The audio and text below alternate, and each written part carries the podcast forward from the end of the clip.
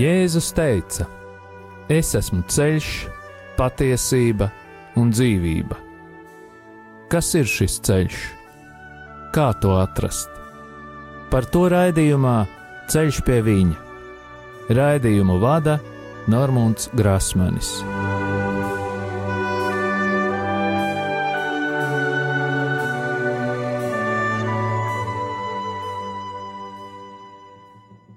Lai ir slavēts Jēzus Kristus. Jau atkal ir pienākusi pirmdiena, un man ir prieks satikties ar jums, dārgie radio Marija klausītāji.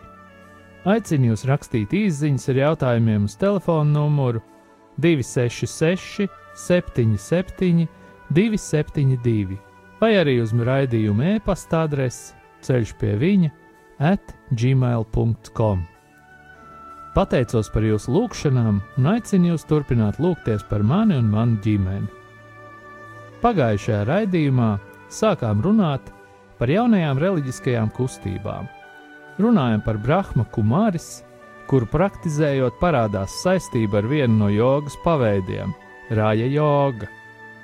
Par jogu mēs noteikti runāsim plašāk, taču šobrīd pieturēsimies pie Erika Čibello grāmatas jau daudz antikristi cēlušies, satura rādītāji. Turpinot ieskatīties jaunajās reliģiskajās kustībās, esam nonākuši pie tādas, kura Latvijā jau vairāk kā 20 gadus darbojas. Tā ir Hāra Krišna kustība, kas atrodas Krišjāna Barona ielā pie ģertrūdas ielas. Hāra Krišna ir reliģioza hinduistu sekta, kas rietumos tika ievesta caur mirušo Prabhu pudu. Oficiāli tā ir pazīstama kā Startautiskā Krišņas apziņas biedrība vai vienkārši Krišņas apziņa. 1965. gadā Amerikā to ieviesa Hāra Krišna dibinātājs un vēlāk arī līderis Abhejs Šarans, kurš bija pazīstams kā AC Bhaktivedanta Svami Prabhupuda. Vēlāk šī kustība tika ieviesta Eiropā, un tikai tad tā sāka izplatīties pašā Indijā. Hāra Krišnas kustības izcelsmes saknes meklējams starp senajām hinduistu reliģijām, kas ir vismaz tik senas, cik Indijas kontinenta invāzija caur āriešiem. To, kad hinduisms tika iedalīts šivaismā un višnuismā, zinātne nespēja noteikt. Šivaīti par augstāko kungu uzskata Šivu, turpretīm Višnuīti kā augstāko būtni godā Višnu. Krišneisms izveidojās no Višnuisma, pēc tam gan tika noteikts, ka Višna ir inkarnācija no Krišnas un ne otrādāk. Čaitāņa ir dzīvojis 1500. gadā Bengālijā un bija bakti tādas godināšanas metodas pārstāvis. Viņš skaidroja, ka tieši mīlestība uz Krišnu ir drošākais veids karmas nenoteiktības novēršanai un mokšas sasniegšanai, kas ir vienīgā garantija, lai neatzimtu no jauna. Viņa personības harizma piesaistīja daudz jauniešu, kur viņu uzskatīja par Krišnas moderno inkarnāciju. Čaitāņu nosodīja pareizi ticīgās ticības pretinieki, kuri sacīja, ka viņš ir vieglprātīgs un tukšs, jo viņa pagodināšana sastāvēja no recitatīviem dziedājumiem un dejām. Čaitāņa Krišna sekta pamatā izplatījās Bengālijā un Ziemeļaustrum Indijā. Abhejs Čarāns de Bhaktivedanta Svami Prabhupuda ir cilvēks, kurš atjaunoja Krišneismu modernā garā. Viņš ir dzimis Kalkutā 1896. gadā, studējis filozofiju, angļu valodu un ekonomiku savas dzimtās pilsētas universitātē. Kad Prabhupuda bija apmēram 30 gadus vecs, viņš iepazinās ar Višnītu, Bahtisidu, Hantu, Sarasvati, kurš viņu iesaistīja Gaudija Višnu biedrībā. Vēlāk viņš pieprasīja Čaitāņas Višnu hinduismu sektu attīstīt. Īsi pirms savas nāves 1936. gadā Bhaktisidhanta deva norādījumus Prabhupudam Čaitaņas vēsti rietumos sludināt angļu valodā. Vispirms savas reliģiskās idejas Prabhupuda mēģināja izklāstīt kādā 1944. gada laikrakstā, atpakaļ pie dievišķā. Šo aktivitāšu iespējā viņu sāka dēvēt par Brahtivedanta, kas nozīmē zināšanas par dievišķo godināšanu. 58 gadu vecumā viņš atstāja savu sievu un piecus bērnus, kā arī savu plaukstošo farmācijas uzņēmumu lai uzvilktu hinduistu mūku safrāna sarkano tērpu. Iesauku svami viņš dabūja Bombejā.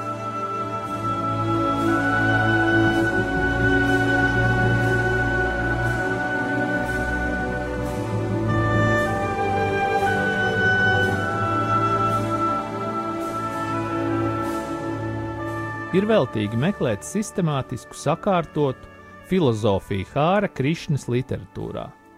Tas ir tādēļ, ka Krišņas apziņai nav pamatā prāta un loģiskās domāšanas veicināšana. Krišņas filozofijas patiesības esot jāizdzīvo reāli, nevis jābalstās uz dažādiem teorētiskiem argumentiem un diskusijām.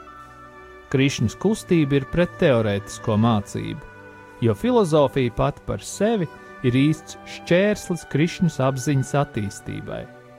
Protams, ir nepieciešams arī šīs reālās pieredzes izpratni, arī plašākā filozofiskās interpretācijas kontekstā. Tādējādi Hāra Krišna kustībai ir izveidota un vispārēji pieņemta teoloģija un kosmoloģija, kaut arī tā netiek uzskatīta par svarīgu. Kustībai ir divi būtiski mērķi. Pirmais sastāv no tā, ka māceklim pilnībā jāpakļaujas Krišnam, kas tiek atzīts kā augstākā dievība. Caur šādu pagodināšanu mācekļi attīsta Krišņas apziņu, kas ietver dziļāku mīlestību uz Dievu un cilvēkiem. Otrais mērķis - māceklim jārūpējas par to, lai Krišņas apziņas mācība tiek atklāta visiem, kas to vēlas apgūt. Visi Hāra Krišņas sekotāji dzīvo pasaulē, un visas savas nomodas stundas pavada, lai šādā veidā kalpotu Krišnam. Krišņas apziņai jāvada māceklis uz augstāku transcendentālu prieku, kas pārsniedz jebkuru šīs mainīgās pasaules prieku. Krišņas sekotāji kā vērtību pieņem to, ka viņa filozofija atšķiras no hinduismu vendantiskās versijas, kas meklē iespējas, lai savienotos ar kādu bezpersonisko absolūto brahmu. Krišņas piekritēji arī uzsver, ka katrs cilvēks šajā vienībā pēc kuras jātiec, saglabā savu individuālo es. Tāpēc Krišņas sekotāji negaida kādu pēdējo ieniršanu absolūtajā, bet gan mūžīgu transcendentālu mīlestību un vienību ar personisko dievu Krišnu, kas iekļauj sevī brahmu, kā arī dzīvo katra cilvēka sirdī. Karma un reinkarnācija ir divi klasiskākie hinduistiskās ticības padomi, kas nekad nevar izraisīt šaubas. Cilvēka iepriekšējā dzīves pieredze netiek izskatīta un ņemta vērā, taču ir svarīgi racionāli izskaidrot Krišņas apziņas organizācijas hierarhiju. Par augsti stāvošiem Krišņas piekritējiem mēdz domāt, ka viņi caur savām augstajām pozīcijām tiek sagatavoti tā, ka notikušajā inkarnācijā tie tiek garīgi kvalificēti īpašā veidā te var atpazīt seno hinduistisko kastu sistēmu un tās attaisnošanu. 30 gadus pēc savu uzdevumu saņemšanas 1965. gadā Pabhupuda beidzot nonāk arī Amerikā. Ņujorkā, Tokina parkā pie Lovera austrumu pusē viņš sēdēja zem kāda koka un spēlēja bunziņas. Jau nākamajā gadā tika uzbūvēts templis, un visai drīz arī citās lielākajās pilsētās tika izveidoti Krišņas apziņas centri. 1968. gadā Prabhu Puda sāka arī izdot laikrakstu Atpakaļ pie dievišķā. Pēc neilga laiciņa viņa sekotāji deva viņam vārdu Prabhu Puda, kas nozīmē kāds pie kura kājām skolotājs sēž. Šīs kustības ietekme ASV bija daudz spēcīgāka nekā pārējā rietumu pasaulē. pat Indijā nozīmīgākie labvēļi ir no Amerikas vai Austrālijas. Austrālijā šai kustībai ir liela sekotāja kopiena izglītoto studentu vidū. Nozīmīgākie centri Indijā ir Brindavana, Delī tūmā, Krišnapura pie Kalkutas un templis Juhu Bombejā. Pēc komunismu krišanas Hāra Krišna kustība ir plaši izplatījusies arī dažādās toreizējās austrumu bloka valstīs, kā arī Krievijā. Kustība sev reklamē caur nabadzīgos skolām, īpaši Indijā, piemēram, Krišna Pūra. Indijā un Rietumos viens no kustības galvenajiem uzdevumiem bija panākt šo skolu oficiālu statusu apstiprināšanu valsts valdības līmenī. Taču Eiropā un Amerikā un Austrālijā Krišņas biedrība šo mērķi īstenot, Krišņas biedrībai šo mērķi īstenot neizdevās. Jo viņa izstrādātais mācību plāns ļoti krasi atšķīrās no tās eksakto un humanitāro mācību priekšmetu struktūras kas ir valstiski atzīts skolās visā pasaulē. Vairāki priekšmeti, kas iekļauti normālā mācību programmā, šajās skolās izstrādātajā plānā nebija nemaz iekļauti. Bez tam ir priekšmeti, piemēram, vēsture, kam ir specifiski reliģiozs skaidrojums, ko sludina tikai Krišņas kustība. Oficiāli Hāra Krišņa kustība sevi uztur no finansēm, kuras iegūst pārdodot vīraku, un praphu pūdas grāmatas. Papildus tirdzniecībai Hāra Krišnas biedri iet ubagot un lūg ziedojumus, lai apgādātu tās pasaules valstis, kas piedzīvojušas dabas katastrofas un dažādas stihiskas nelaimes. Lai gan daļa ziedojumu tiek izlietota plānotajam mērķim, daļa ziedojumu tiek izmantot arī Krišnas garīgo centru uzturēšanai.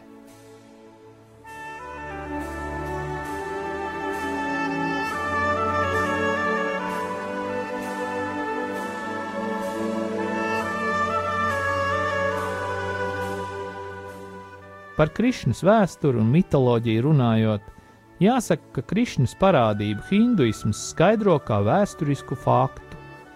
Citi, gan hinduismu pasaulē, gan ārpus tās, to atklāja kā mītu. Krišnas sekotāji tic, ka Krišna kā cilvēka tēls, bet ne kā cilvēks būtne dzīvojis Virandabanā pirms 5000 gadiem. Tur viņš esot dejojis ar simts sievietēm vienlaicīgi, Katra parādījusi sevi kā svētību orģijās un bijusi pārliecināta, ka viņš mīl tikai viņu. Viņa mīļākā sieviete, ar kuru viņam bija ilgstoša afēra, bija meitene Rāda. Šis stāsts tiek skaidrots ne tikai kā patiesas notikums, bet ir pieņemts, ka tas simbolizē attiecības starp dievu un cilvēku, kas atklāja Krišnas reliģijas būtību. Mahabhāratā kas ir indiešu mitoloģisko rakstu sakopojums, Krišnas stāsts tiek tālāk nodots caur Bhagavad Gita. Tur var atrast uzstādījumu, ka cilvēka morālais mērķis ir pienākumu izpildīšana. Sava dzīve jāvelta Krišnas pielūgsmē, kas piešķir augstāku atzinību un nes lielāku svētību. Gita teksti ir iespiesti laikposmā, starp 3. gadu tūkstoti pirms Kristus un 3. gadu tūkstoti pēc Kristus. Pieņēmums, ka rakstu iespiešana varēja būt notikusi vēlākajā laika posmā, ietver spekulatīvu domu, ka Krišna varētu būt Kristus vārdu izcelsme, jo Krišnaīta filozofija stāsta par personisko dievu, pieprasa stingru personiskās morāles nostāju un piedāvā tuvināšanos mīlošajam dievam dzīvesveids, Krišnas transcendentālajai pagodināšanai, ņemot vērā cilvēku juteklīsko dabu, ir stingri noteikts dzīvesveids. Nelikumīgas seksuālās attiecības ir aizliegtas un tiek veicināts celibāts, dzīve bez laulībām. Tie, kam laulība tiek atļauta, seksuālās attiecības drīkst veidot vienu reizi mēnesī, naktī pēc 5 vai 6 stundu recitīt recitatīvajiem dziedājumiem vēdu kalendāra noteiktajā auglīgajā laikā. Indijā un rietumos Krišņus piekritēji dzīvo lielās kopienās, bieži vien bez ērtībām, kas dzīvi varētu padarīt vieglāku. Ēdiens ir veģetārs, un kā liecina pētījums, tad šie ēdieni satur augstu ogļhidrātu līmeni. Smadzenēs tas rada vieglu narkotisku stāvokli, kas cilvēku padara vieglāk ietekmējamu un pakļaujam dažādās mācībās un rīk, dažādām mācībām un rīkojumiem. Tas atvieglo darbu ar psihi, spirituālu prakšu laikā. Agrāk šī kustība tādu prakšu un ideoloģijas rezultātā tika uzskatīta par kultu. Un tagad pieskarsimies garīgajām praksēm. Rečetēšana ir viens no svarīgākajiem Hāra Krišnas liturģijas rituāliem, ko pasaulē pazīst vislabāk. Šīs prakses rezultātā kustība ieguva arī savu nosaukumu - Hāra Krišna. Šis rečetatīvais dziedājums ir mantra, kas ir parole un signāls, lai atcerētos visu, ko vienībā ar absolūto cilvēks iemācījies, lai to pēc tam arī praktizētu.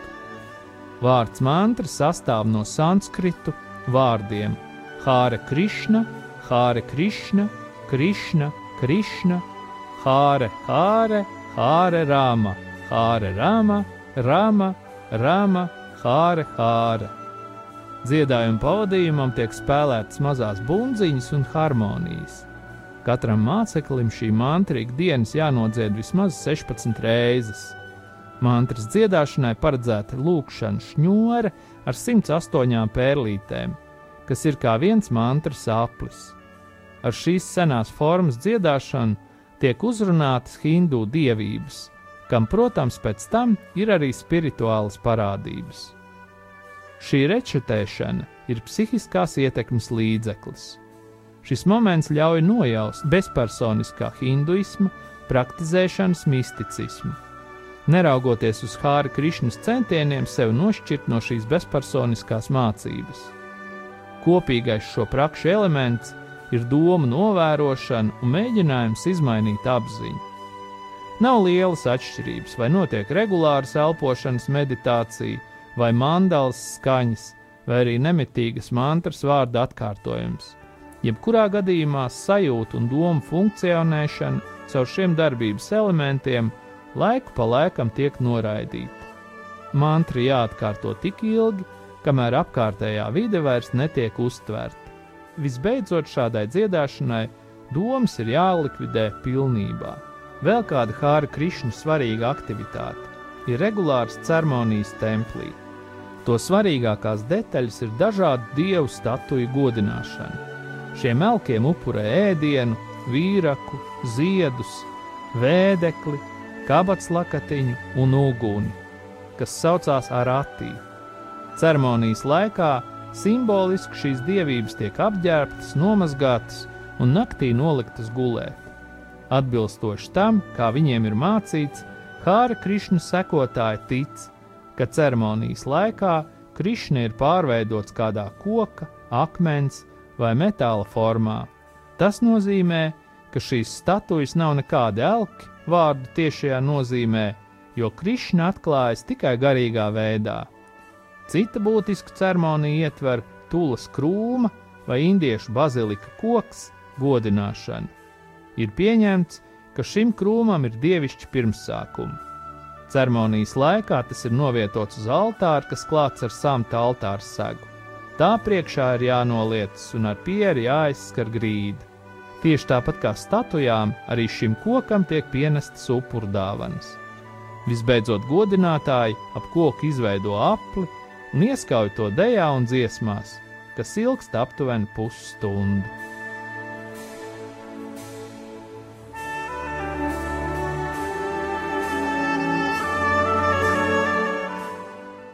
Kas tad būtu jāzina kristiešiem?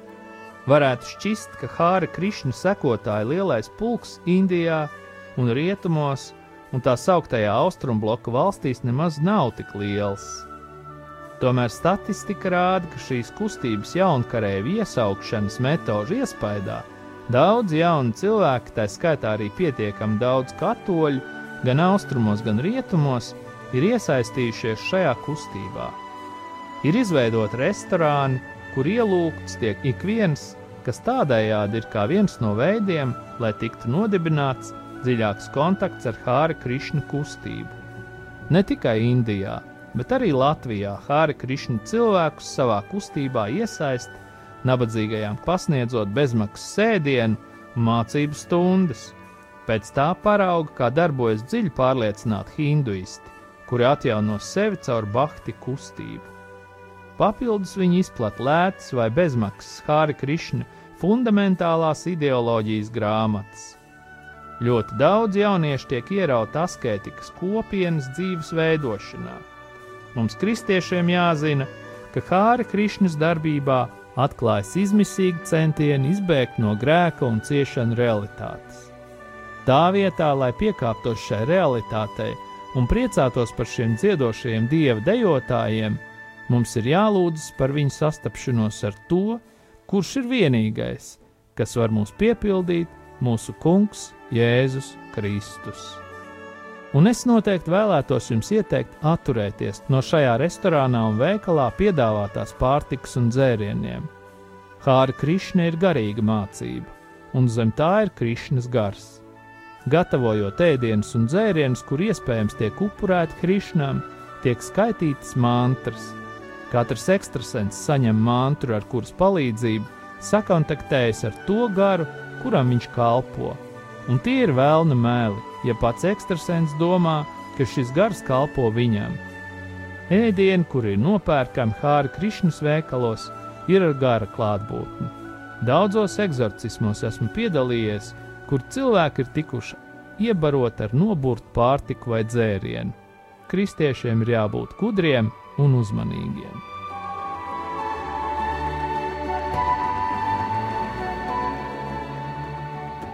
Nu, tagad ir pienācis laiks pāriet pie lūkšanas. Mēs apzīmējam sevi ar krusta zīmi. Tā apliecinot savu ticību krustā sistā Jēzus un visvētās trīsvienības pestīšanas spēku. Gods Dievam augstumos! Un miers virs zemes labas gribas cilvēkiem. Mēs tevi slavējam, teicam un pielūdzam. Mēs tevi cildinām un tev pateicamies. Jo liela ir tava godība, Kungs, debesu karali, Dievs visvarenais Tēvs, Dievs vienpiedzimušais dēls, Jēzu Kristu. Tu, Kungs, Dievs, Dieva jērs, Tēva dēls, Tu nes pasaules grēkus, apžēlojies par mums. Tu nes pasaules grēkus, uzklausi mūsu lūgšanu. Tu sēdi pie Tēva labās rokas, apžēlojies par mums. Vienīgi Tu esi svēts, vienīgi Tu esi kungs, Tu visaugstākais kungs Jēzu Kristu ar Svēto garu, Dieva Tēva godībā Āmen.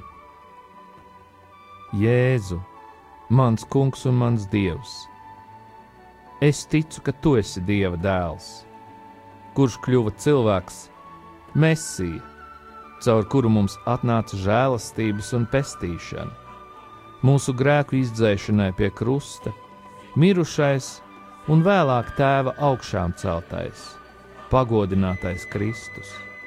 Jēzu, tu izlēji savas asinis par mani, tu mani atpirki un izglābi. Tu esi gaisma, kas atspīd tumsībā, Dieva dēls, kurš atnācis, lai iznīcinātu vēlna darbus. Jēzu, es ticu, ka tu esi vienīgais vidutājs starp dievu un cilvēkiem, un tavs vārds ir pārāks par katru vārdu Jēzu, tu esi Dieva jērs. Tu esi augšām cēlies un dāvājis mums jaunu dzīvību, dievišķo dzīvību pārpilnībā. Mēs dzīvojam caur tevi, Jēzu, un zinām, ka nemirsim, bet dzīvosim, lai liecinātu par kunga darbiem. Mēs ietērpjamies Kristu Jēzū, un tagad visi varam piebiedroties atbildot: Esi slavēts Jēzu! Jēzu Kristu, mans kungs un mans dievs.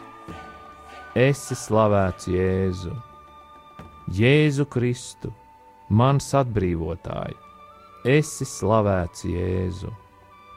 Jēzu Kristu, mans aizstāvi, esi slavēts Jēzu. Jēzu Kristu, mans glābēji, esi slavēts Jēzu. Jēzu Kristu, mana uzvara, esi slavēts Jēzu. Jēzu Kristu, mana mīlestība, esi slavēts Jēzu.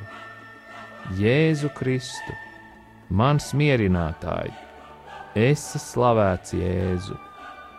Jēzu Kristu, mana laime, esi slavēts Jēzu. Jēzu Kristu, mans spēks, esi slavēts Jēzu. Jēzu Kristu, mana autoritāte, esi slavēts Jēzu. Jēzu Kristu, mana apredzība, esi slavēts Jēzu. Jēzu Kristu, mans miers un prieks, esi slavēts Jēzu. Jēzu Kristu, mana mūžīgā slava, esi slavēts Jēzu. Jēzu Kristu, mans kungs un mans dievs, esi slavēts Jēzu. Lūksimies! Mūžīgais un visvarenais dievs, Jēzu Kristu, tavā vienpiedzimušajā dēlā, tu mums devi atpestītāju un brīnišķīgu skolotāju. Ar viņa vārdu vienīgo, kas spēj glābt, ar viņas sāpīgajām ciešanām un slavas pilno augšām celšanos, tu mūs padarīji par ķēniņu bērniem. Caur tavu svēto garu dāvā mums žēlastību, pastāvīgi slavēt Jēzu Kristu, pielūgt viņu, līdz ar svētajiem eņģeļiem, mīlēt viņu no visas sirds un pieredzēt viņu spēku, kas glābj un atbrīvo. Kopā ar visvētāko jaunā Mariju un visiem svētajiem mēs tevi piesaucam Jēzu. Mēs tevi slavējam, cildinām un pagodinām. Āmen, aleluja! Mēs nostājamies Jēzus nācerieša, miesā atnākušā dieva dēla, krusta pakājē un apklājam sevi ar viņa dārgajām asinīm. Mūs apspīd viņa gaisma. Mēs lūdzam dieva jēra asins aizsardzību kā sev, tā visiem radioklausītājiem. Lai viņa asinis mūs šķīstī no mūsu grēkiem un vainām, un pasargā mūs no ikviena ļaunuma, uzbrukuma un tumsības gara iespaidu. Lai Jēzus asins apklāj arī mūsu ģimenes, mūsu draugus, paziņas, namu, mantu un visu, kas mums pieder. Lai Dieva gars mūs sedz ar visspēcības vairogu, lai Viņš atklāj šai vietā Kristus uzvaru, lai aizraida sātanu projām no mums un aizliedz darboties ikvienam dēmoniskajam garam, nemiera cēlājam. Lai viss, ko mēs teiksim un darīsim, nāk no svētā gara iedvesmas un pamudinājuma Kungs Jēzu ar savu vissvēto vārdu, ar vissvētākās jaunās Marijas nopelniem un visu svēto, arī mūsu svēto aizbildņu un sargeņģeļu aizbildniecību, pasargā mūs no ikvienām briesmām un ikvienas ļauno garu nekrietnības. Lai jaunava Marija mūs apsadz ar savu visaugstās eņģeļu valdnieces apmetni, un ieved mūs augšām celtā Kristus uzvarā. Svētais arcēnģeļa Miķeli, aizsargā mūs šajā cīņā. Esi mūsu palīgs pret dēmona ļaunumu un slazdiem, lai Dievs atņem viņam jau kādu varu kaitēt jebkuram no radio klausītājiem. Mēs ietēpjamies Dieva bruņās, lai pretotos vēlna darbiem, apjozušies ar patiesības jostu apvilkuši taisnības bruņas, dedzīgi dodamies uz priekšu, lai sludinātu miera evaņģēlīju. Galvā uzlikuši pestīšanas bruņu cepuri, aizsegušies ar ticības vairogu, ar kura palīdzību varam apdzēst visas ļaunā ugunīgās bultas, bruņojušies ar svētā gara, dieva vārda zobenu, lai uzbruktu ienaidnieku nocietinājumiem, pacēluši rokas, lai slavētu un pielūgtu savu dievu, mēs ieņemam pozīcijas kaujas laukā, bezbailīgi kā Dāvids, kad viņš gāja cīņā ar Golgātu. Jēzus uzvarētāji, ķēniņu ķēniņi, kurš sēž Dieva tēva tronī vārdā. Tāpēc, pamatojoties uz mūsu kristiešu un Jēzus mācekļu autoritāti, mēs jums aizliedzam demoniskie gari, nešķīstie gari runāt uz kādu no radio klausītājiem. Šo raidījumu un auditoriju mēs uzticam vienīgi svētajam garam. Āmen! Un tagad saņemiet Romas pāvesta Franciska pirmā svētību. Kungs Jēzus Kristus, lai ir pār mums, lai mūs svētītu, lai ir pie mums, lai mūs pavadītu, un lai ir ar jums un mums, lai mūs aizsargātu. Lai mūs svētī Dievs Tēvs un Dēls un Svētais Gars lai asinis un ūdens, kas izplūda no Jēzus Kristus sirds, izplūst pār mums un lai šķīstī, atbrīvo un dziedina.